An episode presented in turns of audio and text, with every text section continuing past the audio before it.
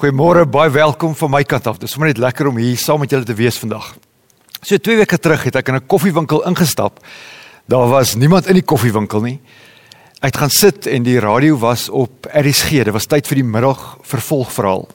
En een van die karakters, dit was 'n vrou, sê toe die volgende woorde. Sy sê ek is absoluut seker van niks nie. En toe ek so daar alleen in die koffiewinkel sit, Toe dink ek hierdie vrou verwoord nogals iets wat baie van ons in hierdie tyd ervaar. Ons is absoluut seker van niks nie. Ons vandag se diens, vandag se boodskap gaan oor die emosie van onsekerheid. Dit gaan oor hierdie gevoel van onsekerheid. Maar vandag se diens gaan ook oor iets wat ons op 'n baie praktiese vlak daaraan kan doen. Ons hier in Suid-Afrika is onseker oor 'n klomp goeters. Ons is onseker oor wie ons volgende president gaan wees. Ons is onseker oor ons onderwysstelsel.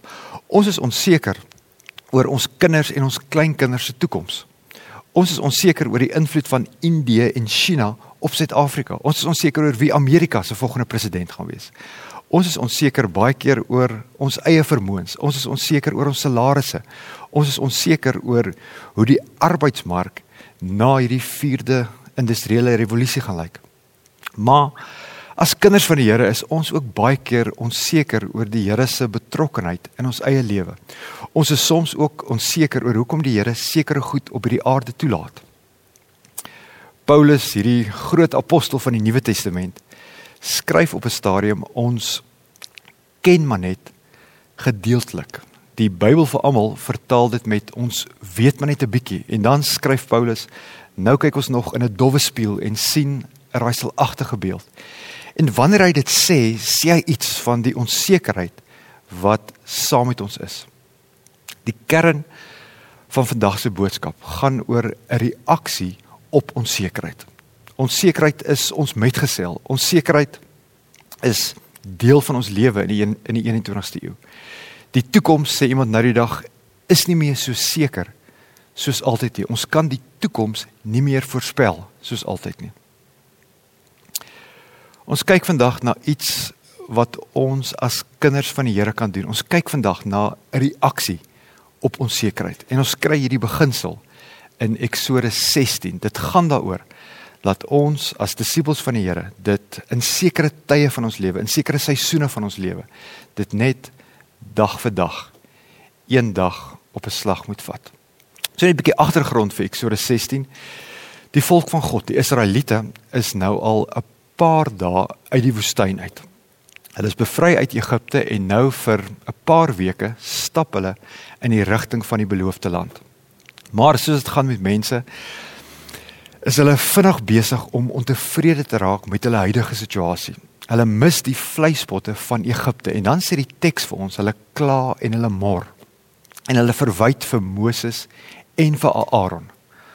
Maar dan kom die Here in sy goedheid en hy besluit ten spyte daarvan dat hy so 'n bietjie geïrriteerd is met hierdie volk van hom, besluit die Here hy gaan vir hulle kos gee. Hy gaan vir hulle kwartels en manna gee. Nou kom ons gaan kyk na Eksodus 16. Ons lees daar vanaf vers 4. Toe die Here vir Moses gesê: "Let nou mooi op. Ek sal elke keer vir julle kos uit die hemel laat reën." Dan moet die volk elke dag elke dag gaan en die dag se voorraad optel. So sal ek toets of hulle my opdrag wil nakom of nie. So wat hier belangrik is, hulle moes elke dag gaan en daai spesifieke dag se kos gaan optel. Hulle moes nie meer as dit gaan optel nie. Kom ons lees verder, vers 13b. Die volgende oggend was daar 'n wolk rondom die kamp. En toe die wolk wegtrek, was die woestyn oortrek met fyn vlokkies soos ryp. Toe die Israeliete dit sien, sê hulle vir mekaar: "Wat is dit die?" Hulle sê die woordjie manna. Die woordjie manna beteken wat is dit die? Want hulle het nie geweet wat dit is nie. Hulle het dit nog nooit gesien nie. Toe sê Moses, hulle leier vir hulle: "Dit is die brood wat die Here vir julle gee om te eet. Dit klink nogal soos ons nagmaalswoorde. Dis die brood wat die Here vir julle gee. Vers 16: Die Here het beveel: "Gaan maak dit bymekaar volgens elke gesin se behoefte." 2 liter per kop. Elkeen moet vat volgens die getal mense in sy tent. Moses het toe vir hulle gesê: Niemand mag iets daarvan laat oorskiet tot môreoggend nie. So van die begin af was die opdrag aan die Israeliete baie duidelik. Gaan uit en dan gaan tel jy net genoeg manne op vir daardie spesifieke dag. Vat dit dag vir dag. Dit gaan daaroor dat ons die Here moet vertrou dat hy vandag vir ons sal sorg. Dit gaan daaroor dat ons die Here môre sal vertrou vir môre se behoeftes. Ons kry ook iets daarvan in die skrywes in die gedeelte in in, in Klaagliedere 3 waar die profeet Jeremia sê: Deur die liefde van die Here het ons nie vergaan nie. Daar's geen einde aan sy ontferming nie. Dit is elke môre nie. Die Here se liefde en die Here se ontferming is elke môre nie. Maar die Israeliete was soos ons mens en hulle was ook nie altyd gehoorsaam aan die Here nie en hulle was ook maar bekommerd oor die dag van môre en hulle was ook bekommerd oor die weke wat gaan kom en hulle was ook bekommerd en onseker oor die toekoms in hierdie woestyn. En dan lees ons in vers 20 en ek lees hier so uit die uit die Bybel vir almal. In vers 20 staan die volgende: Maar die Israeliete het nie geluister na Moses nie. Hulle het van die kos gelos tot die volgende oggend. Daar het toe wurms in die kos gekom en die kos het sleg geword. En dan het die opmerking Moses was baie kwaad vir hulle. So wanneer ons die opdrag kry, wanneer ek en jy in 'n woestyn is, wanneer ons in 'n krisistyd is en ons kry die opdrag by die Here en hy sê vir ons vat dit dag vir dag en ons doen dit nie dan kan dit gebeur dat die manna van ons lewe ook sal vrot word. Wanneer die Here vir ons sê ons moet dit dag vir dag, net gewoon een dag op 'n slag vat en ons doen dit nie, dan mis ons die sorg van die Here, dan mis ons die seën van die Here. Ons mis dan die shalom, die vrede wat die Here ons God vir ons wil gee. As ons so 'n bietjie ratte verwissel en na die Nuwe Testament toe gaan, dink bietjie aan Jesus en die verhouding wat hy met sy disippels gehad het.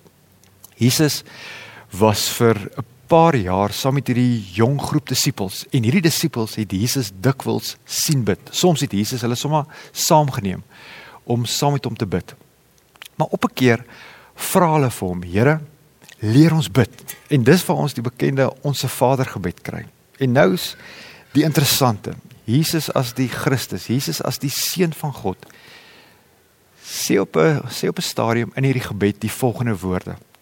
Hy bid en dan sê hy: "Gee ons vandag ons daaglikse brood." In die Lukas Evangelie word hierdie frase vertaal met gee ons elke dag ons daaglikse brood. So selfs in die Onse Vader kom Here Jesus en hy leer ons om dit dag vir dag te vat. So paar maande gelede het ek 'n interessante sin in 'n boek gelees. Die boek se naam is 12 Rules for Life. En in hierdie boek sê die skrywer as jy in die kake van 'n krokodil is, dan kan jy nie aan die toekoms dink nie. Nou baie van ons is lief vir die wildtuin, baie van ons mis die wildtuin in hierdie tyd. Baie van ons is lief vir die natuur. So ons het 'n redelike idee hoe dit lyk as 'n krokodil 'n rooibok of 'n wildebees beet kry. As ek en jy in so 'n situasie is, as ons in die kake van hierdie gedierte is, dan kan ons nie dink aan visiestellings en missiestellings en strategiese beplanning. Al is dit hoe belangrik nie. Al is dit hoe belangrik. As jy of ek in die kake van 'n krokodil is, dan is daar net een ding waarop ons fokus en dit is hoe hoe kom ek los? Hoe kom ek uit hierdie penarie waarin ek is? Dink saam met my aan Jesus se woorde in die bergrede. Jesus gesels met die mense en die bergrede is basies 'n nuwe interpretasie van die Ou Testament. En op 'n stadium sê Jesus hierdie woorde. Hy sê: "Moet julle nie bekommer oor julle lewe nie. Moet julle nie bekommer oor wat julle gaan eet of wat julle gaan drink of wat oor wat julle gaan aantrek nie." En dan gee Jesus die opdrag. Hy sê: "Kyk na die wilde voëls en kyk na die kyk na die veldlelies." En Jesus verseker ons dat ons 'n God, dat ons 'n Vader in die hemel het wat vir ons sal sorg. Hy sê daarso, ons Vader in die hemel weet tog wat ons nodig het. So as ons na hierdie woorde luister, dan is daar iets in hierdie woorde wat ons aantrek. Maar as ons eerlik moet wees, is daar ook iets in hierdie woorde wat ons skepties maak. Ons hoor wat Jesus sê. Jesus wat sê moenie worry oor môre nie. En ons dink mm, hierdie is hierdie klink te veel na die leefstyl van 'n hippie. Kan dit kan dit waar wees? Kan dit werk? Om Jesus se woorde in die bergrede te verstaan, moet ons hoor wat Jesus direk na hierdie woorde sê. In Matteus 6 vers 33 lees ons hierdie baie bekende woorde. Jesus sê: "Nee, beywer julle allereers vir die koninkryk van God en vir die wil van God. Dan sal hy julle ook al hierdie dinge gee. Moet julle dus nie oor môre bekommer nie want môre bring sy eie bekommernis. Elke dag bring genoeg moeilikheid van sy eie. As ons oor hierdie woorde dink, as ons bietjie daaroor reflekteer, gaan dit daaroor dat ons 'n dringendheid in ons moet hê om onsself te beywer vir die koninkryk van God. Met ander woorde, dis ons lewensdoel. Dis ons taak. Dis ons mikpunt. Ons belyn onsself met Jesus Christus. Ons ontdek die Jesus lewe en ons leef die Jesus lewe. Ons leef hierdie bede laat u wil ook op hierdie aarde geskied. Ons maak dit hemel op aarde vir ander mense. Ons maak hierdie aarde 'n mooier en 'n beter plek. So as dit in plek is, as ons weet waarna toe ons wil gaan, dan kan ons dit dag vir dag vat. Dan kan ons dit een dag op 'n slag vat. Ons kan dit doen want ons weet waartoe ons geroep is. Ons weet waartoe ons op pad is. Dit laat dink my aan die ou fliek Dead Poet Society. Die van julle wat baby boomers is dalk die Gen Xers. Julle sal hierdie fliek onthou. Mr Keating, ou Captain my Captain.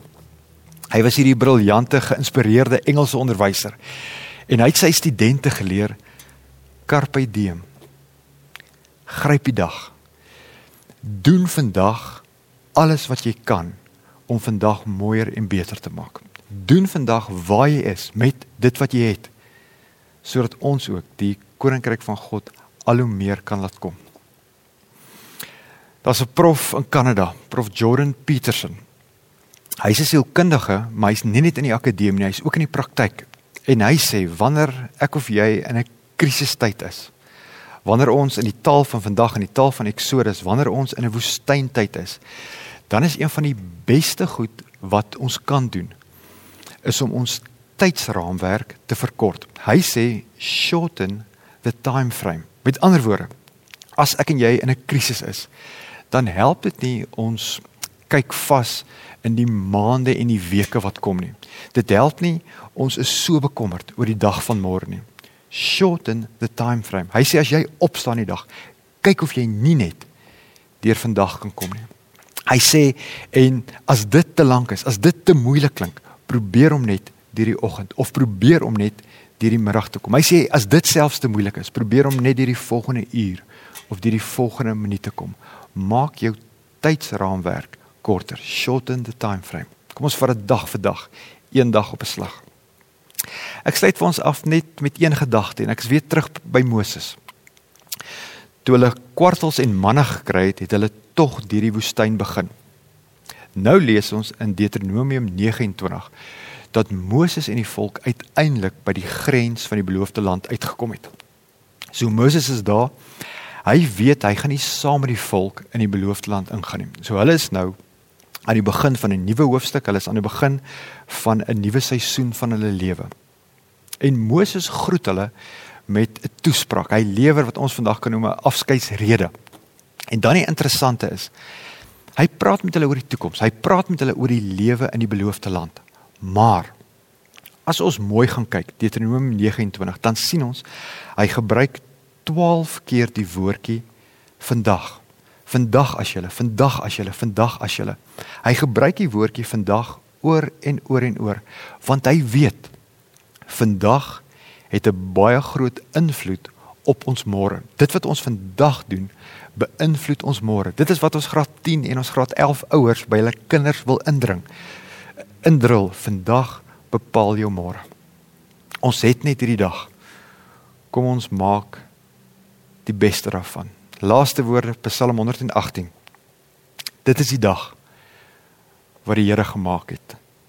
Laat ons daaroor juig en bly wees. Amen. Kom ons sit net so dan doen ons 'n gebed saam.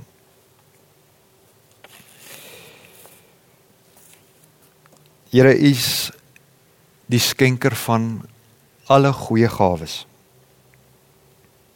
Here is die een wat vandag vir ons gegee het. Here God en dankie vir dit. Here dankie vir die woorde. Dankie dat ons die Ou en die Nuwe Testament het. Dankie dat ons deur die Ou en die Nuwe Testament u stem kan hoor. Here maak ons mense, Here, wat u woorde hoor, maar maak ons ook 'n groep mense, 'n groep gelowiges wat reageer op u stem. Here help ons om die Jesus lewe te ontdek. Help ons Here om die Jesus lewe daadwerklik uit te leef. Here in hierdie vreemde tye vind ons troos daarin dat ons u sin is. Ons weet Here dat ons aan u behoort. Ons weet Here dat die kerk, dat die kerk wêreldwyd u sinne is. Dankie Here vir die gawe van lewe. Dankie dat ons deel kan wees van 'n gemeente. Dankie dat ons deel kan hê aan die werk. Here ons as gelowiges weet ook dat U vir ons wag. Ons weet Here dat U eendag gaan terugkom en dat U ook die aarde gaan herskep. Here, maar tot dan wil ek bid dat U vir ons die krag en die moed en die lus en die ywer sal gee sodat ons met alles in ons die dae wat ons het sal gebruik. Here, mag ons, mag ons met U Gees wat in ons is, mag ons U koninkryk najag. Mag ons U wil op hierdie aarde uitleef. Amen.